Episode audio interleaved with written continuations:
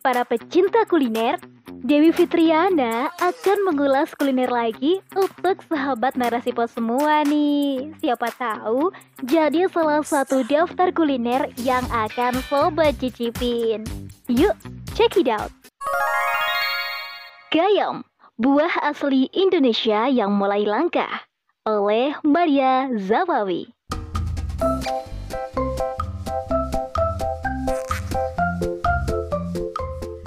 Setiap lebaran, keripik gaya merupakan salah satu cemilan yang disajikan oleh sebagian masyarakat kota Tuban. Rasanya yang gurih dan khas membuat lidah tak mau berhenti bergoyang, karena hanya membuat orang ingin terus mengunyahnya. Sayangnya, untuk mendapatkan keripik yang satu ini, tidak semudah mendapatkan keripik pisang. Sebab buah gayam merupakan buah musiman, tidak seperti buah pisang yang tersedia sepanjang tahun. Keripik gayam telah menjadi salah satu oleh-oleh khas kota Tuban. Daerah penghasil keripik ini adalah Kecamatan Merakurak. Di kecamatan ini memang banyak ditemukan pohon gayam. Gayam adalah tanaman asli Indonesia. Dalam buku berjudul Mengenal Gayam Tanaman Multi Manfaat yang ditulis oleh Albert Hussein Wawo dan lain-lain, Disebutkan bahwa gayam berasal dari kawasan Malaysiana bagian timur, terutama Indonesia. Tanaman ini kemudian tersebar ke berbagai wilayah di Indonesia dan bukti bahwa gayam merupakan tanaman asli Indonesia adalah banyaknya nama daerah yang menggunakan kata gayam. Misalnya Kecamatan Gayam di Bojonegoro dan Sumeneb, Desa Gayam di Blora dan Yogyakarta, serta Kelurahan Gayam di Kediri dan Sukoharjo. Wow! Gayam juga telah menjadi flora identitas kota Bojonegoro dan Cirebon loh. Meskipun dijadikan flora identitas kota Bojonegoro, tetapi olahan buah gayam ini tidak menjadi oleh-oleh khas kota ini nih. Nah, gayam juga menjadi salah satu dari 20 makanan lokal Indonesia yang masuk katalog The Art of Taste. The Art of Taste adalah makanan yang pernah berperan penting dalam suatu wilayah dan mempengaruhi sosial budaya penduduknya, tetapi mulai dilupakan. Katalog ini disusun oleh Slow Food, sebuah organisasi yang mempromosikan makanan lokal atau makanan tradisional. Ngomong-ngomong nih guys, pohon gayam juga banyak tumbuh di daerah tropis. Tanaman ini mampu hidup di tanah yang miskin hara, seperti di rawa-rawa, pantai berpasir, atau di hutan bakau. Batang pohonnya tinggi dengan alur yang dalam dan tidak teratur. Tingginya bisa mencapai 20 meter dengan diameter sekitar 65 cm. Daunnya juga berbentuk lonjong mirip daun jambu air, tetapi lebih tebal dan kaku. Daun yang masih muda dapat diolah menjadi sayur. Bunganya sih kecil, berwarna kuning serta wangi baunya. Sedangkan buahnya berbentuk seperti ginjal. Kulitnya berwarna hijau, kemudian berubah menguning atau kecoklatan ketika sudah tua.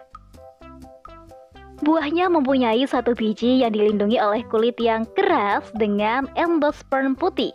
Dan setelah dikupas, akan tampak kulit adi berwarna coklat mirip jengkol. Lah lah lah. Tapi sebelum diolah, biji buah gayam direndam terlebih dahulu ya. Setelah itu, direbus atau dijajikan keripik. Biasanya di dekat tumbuhan pohon gayam ini sih terdapat mata air, sungai, atau kolam. Kedalaman air tanah di sekitar pohon gayam biasanya hanya sekitar 1 hingga 2 meter saja. Karena itu, pohon ini dianggap memiliki kemampuan menyerap air yang tinggi. Tajuknya rindang dan dahannya kuat sehingga cocok untuk penghijauan. Rumah genderuwo. Eits, pohonnya sih memang besar, tinggi dan rimbun memberikan kesan angker pada tanaman yang satu ini guys. Sebagian masyarakat menganggapnya sebagai tempat tinggal genderuwo. Waduh, waduh. Mungkin karena hal ini masyarakat sekarang tidak banyak yang menanamnya di pekarangan rumah mereka ya. Nama gayam sendiri memiliki nilai filosofis tersendiri bagi orang Jawa loh. Gayam memiliki arti gayuh ayem atau meraih ketenangan. Daunnya yang selalu lebat memberikan keteduhan, sedangkan mudahnya menemukan air di dekatnya akan memberikan ketentraman. Sebab air merupakan sumber kehidupan bagi manusia. Ya, karena nilai filosofisnya itu, tanaman ini memiliki area khusus di lingkungan Keraton Yogyakarta, yaitu area antara Pagelaran dan Siti Hingil. Guys, guys, berdasarkan penelitian yang dilakukan oleh peneliti dari IPB, di dalam 100 gram buah gayam terkandung karbohidrat 76,74%, protein 11,66%, lemak 8,21%, dan abu 3,39%. Nah, karena kandungan gizinya yang dimiliki, gayam memiliki beberapa manfaat untuk kesehatan. Berikut adalah manfaat gayam menurut cara buat resep.blogspot.com. Pertama, membersihkan kotoran dalam usus besar dan saluran pencernaan. Manfaat ini guys bisa kita dapatkan karena buah gayam mengandung saponin.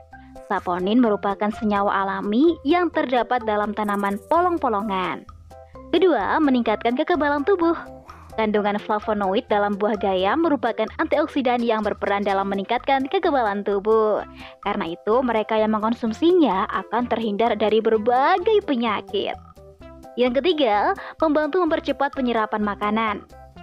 Tanin yang terkandung dalam buah gayam membantu usus lebih cepat menyerap sari makanan. Nah guys, kandungan patinya yang tinggi juga membuat buah ini bersifat mengenyangkan. Karena itu, buah gayam juga dapat dijadikan sebagai pangan alternatif. Di samping itu, penanaman pohon gayam juga dapat dijadikan solusi semakin sempitnya lahan pertanian.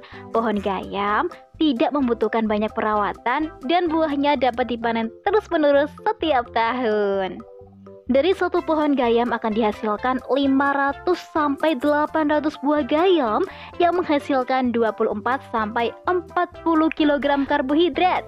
Buah gayam juga dapat diolah menjadi tepung gayam yang disajikan sebagai bahan membuat roti dan kue. Cara membuat tepung gayam juga mudah guys.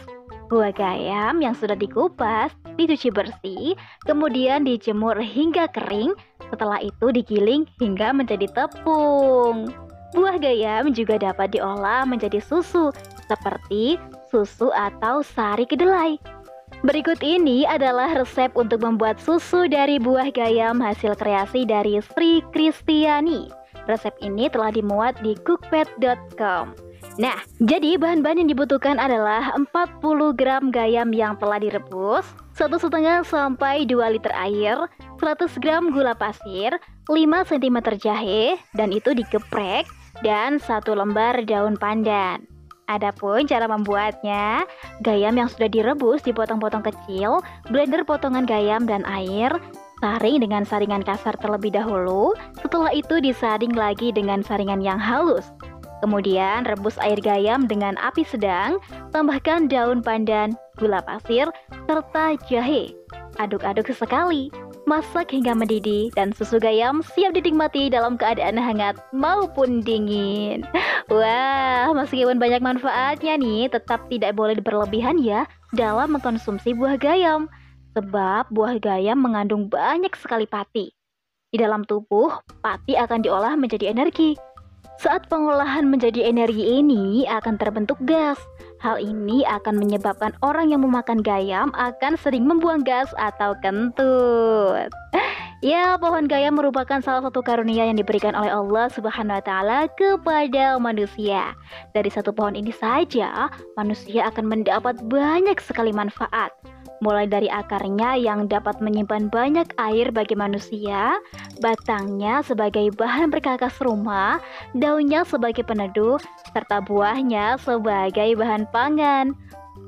Padahal jumlah tanaman yang ditumbuhkan oleh Allah di muka bumi ini amat banyak dan beragam. Allah Subhanahu wa taala berfirman yang artinya, apakah mereka tidak memperhatikan bumi? Betapa banyak yang telah kami tumbuhkan di dalamnya, berbagai macam tumbuh-tumbuhan yang baik. Quran Surat Asy-Syu'ara ayat 7 Maka alangkah bodohnya kita jika tidak mensyukuri semua karunia ini. Mensyukurinya dengan cara menjalankan segala perintahnya dan menjauhi semua larangannya. Dengan demikian, Allah akan menambahkan nikmatnya kepada kita semua. Wallahu alam Biswa.